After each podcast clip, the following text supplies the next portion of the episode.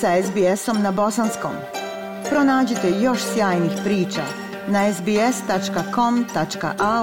kosacrta bosnijan.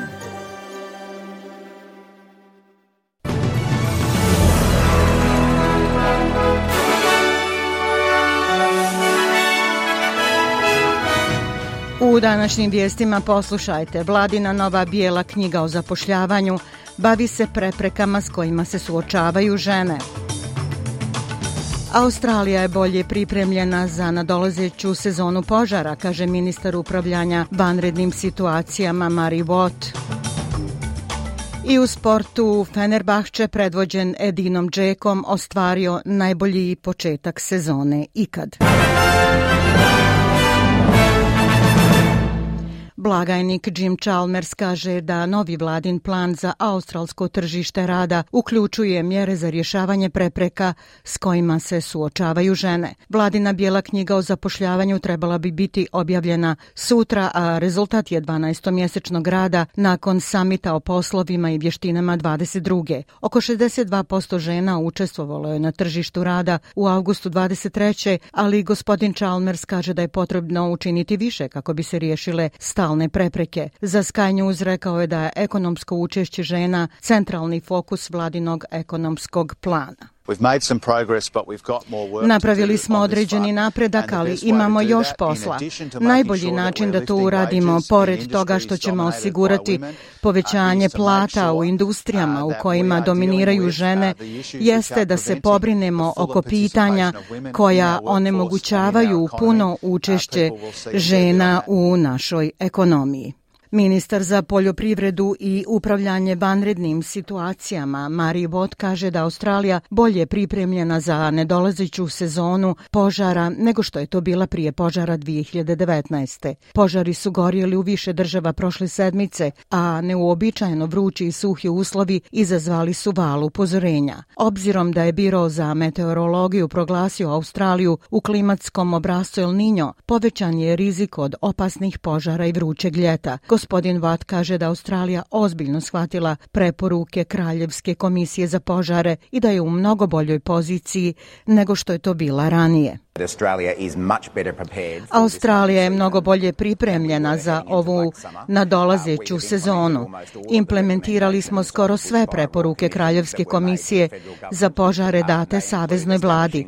One uključuju uspostavljanje jedne agencije za koordinisanje nacionalne vanredne situacije, a ne dvije odvojene organizacije u nadležnosti dva odvojena ministra. Premijer Novog Južnog Velsa Chris Mins kaže da bi poboljšanje sposobnosti Australije da odgovori na potencijalne buduće pandemije trebalo biti u fokusu istrage o COVID-19. Vlada se suočava sa sve većim pritiskom da proširi obim istrage da bi uključila radnje koje su poduzele vlade država i teritorija i uticaj zatvaranja škola na djecu. Istraga objavljena 21. septembra isključuje istragu o bilo kakvim jednostranim odlukama država i teritorija. To znači da se ne očekuje da će blokade koje je nametnula država, zatvaranje škola i mandati za maske biti u centru pažnje. Gospodin Mins kaže da bi fokus istrage trebao biti na tome kako poboljšati sposobnost Australije da se nosi s budućim pandemijama. Uopšteno govoreći, odluke su donošene u dobroj vjeri i u najboljem interesu naroda Novog Južnog Velsa. Sumnjam da je gledanje na njihove postupke u tom kontekstu razumno. To bismo trebali gledati iz perspektive ne politike, već učenja, a budućnost je ovdje najvažnija. Premijer Albanizi pridružio se jučer aktivistima kampanje Yes u Sidneju u podršci referendumu Vojstu parlament. On vjeruje da će zamah kampanje nastaviti rasti u sedmicama prije referenduma i naglašava važnost razgovora prije glasanja. Nešto od čega mi je poraslo srce je odluka Kemala, veoma hrabra odluka. On je neko ko je izašao da kaže ne, ali otišao je, razgovarao s ljudima, pročitao pročitao o čemu se radi i odlučio izaći izjaviti da podržava promjenu ustava sa yes, sa da i reći zašto bi se neko tome protivio. Širom zemlje jučer su održani i nezvanični skupovi kampanje ne. Ovaj učesnik skupane u Hyde Parku u Sidneju kaže da ne vjeruje da su aktivisti kampanje yes odgovorili na njegovu zabrinutost.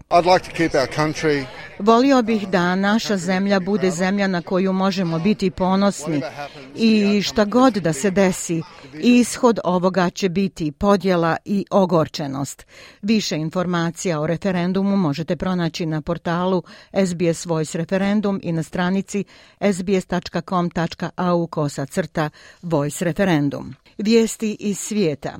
Desetine hiljada Izraelaca protestovalo je protiv planova desničarske koalicije da revidira pravosuđe. Izraelski premijer Netanjahu je ranije predstavio plan da sudu oduzme veći dio njegovih ovlasti paketom zakonodavnih promjena, što je izazvalo nezapamćene demonstracije širom zemlje. Zbog velikog pritiska javnosti vlada je usvojila samo jedan dio plana, a članovi krajnje desničarske koalicije su se obavezali da će usvojiti ostatak. Kritičari revizije pravosuđa kažu da planirane promjene uklanjaju vitalne provjere vladinih ovlasti. Ovaj demonstrant kaže da je posljednjih 39 sedmica prisustvovao protestima protiv revizije i da će to činiti i dalje u otporu promjenama. Because I have a commitment towards my parents Zato što imam obavezu prema svojim roditeljima, djedovima i precima i zato što imam obavezu prema svojoj djeci i unucima. To je dobar razlog da dolazim ovdje već 39 sedmica kako bih zaštitio našu zemlju. Ministar vanjskih poslova Saudijske Arabije, princ Faisal Al Saud, naglasio je važnost saradnje među vodećim zemljama proizvođača nafte. Obraćajući se Generalnoj skupštini Ujedinjenih naroda, gospodin Faisal kaže da zemlje OPEC Plus moraju raditi zajedno kako bi osigurale stabilnost globalnih tržišta nafte. On je rekao da je Saudijska kraljevina posvećena smanjenju emisije ugljika i da ima za cilj postizanje neutralnosti ugljika. Radimo na povećanju upotrebe obnovljive energije i smanjenju emisija za održivi razvoj. Kraljevina je najavila povećani doprinos, udvostručen doprinos za smanjenje emisija u odnosu na 2015. godinu.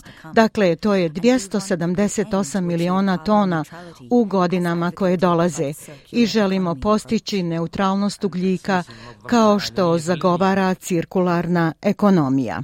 Papa Francis izazvao je francuskog predsjednika Macrona i druge evropske lidere da otvore svoje luke za ljude koji bježe od teškoća i siromaštva. Tokom posjete francuskom gradu Marselju, Papa je istakao da se Evropa ne suočava s hitnim stanjem migracije, već s dugoročnom realnošću s kojom se vlade moraju nositi na ljudski način.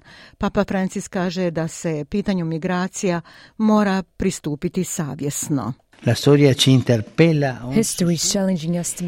Historija nas izaziva da napravimo iskorak savjesti kako bismo spriječili brodolom civilizacije.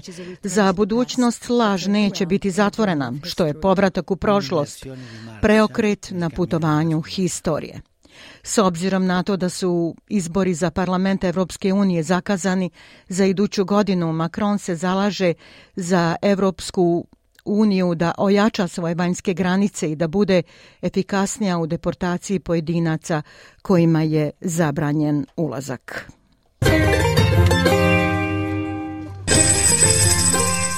Prema kursnoj listi australski dolar danas vrijedi 0,64 američkog dolara, 0,60 eura, 0,52 britanske funte te 1,18 bosanske konvertibilne marke.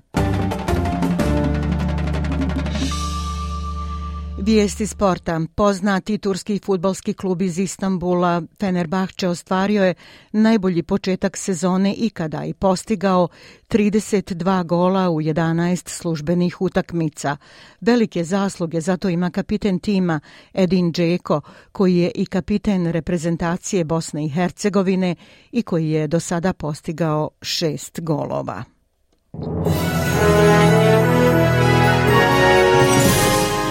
I za kraj vijesti poslušajte temperaturne vrijednosti za veće gradove u Australiji. U Pertu je uglavnom sunčano 23, Adelaidu također sunčano 28, sunčano i u Melbourneu 24, u Hobartu 21, u Kamberi 22, u Sidneju oblačno 21, u Brisbaneu također oblačno 23 i u Darwinu uglavnom sunčano 34 stepena. Bile su ovo vijesti SBS-a na bosanskom jeziku. Ja sam Aisha Hadži Ahmetović. Ostanite i dalje s nama.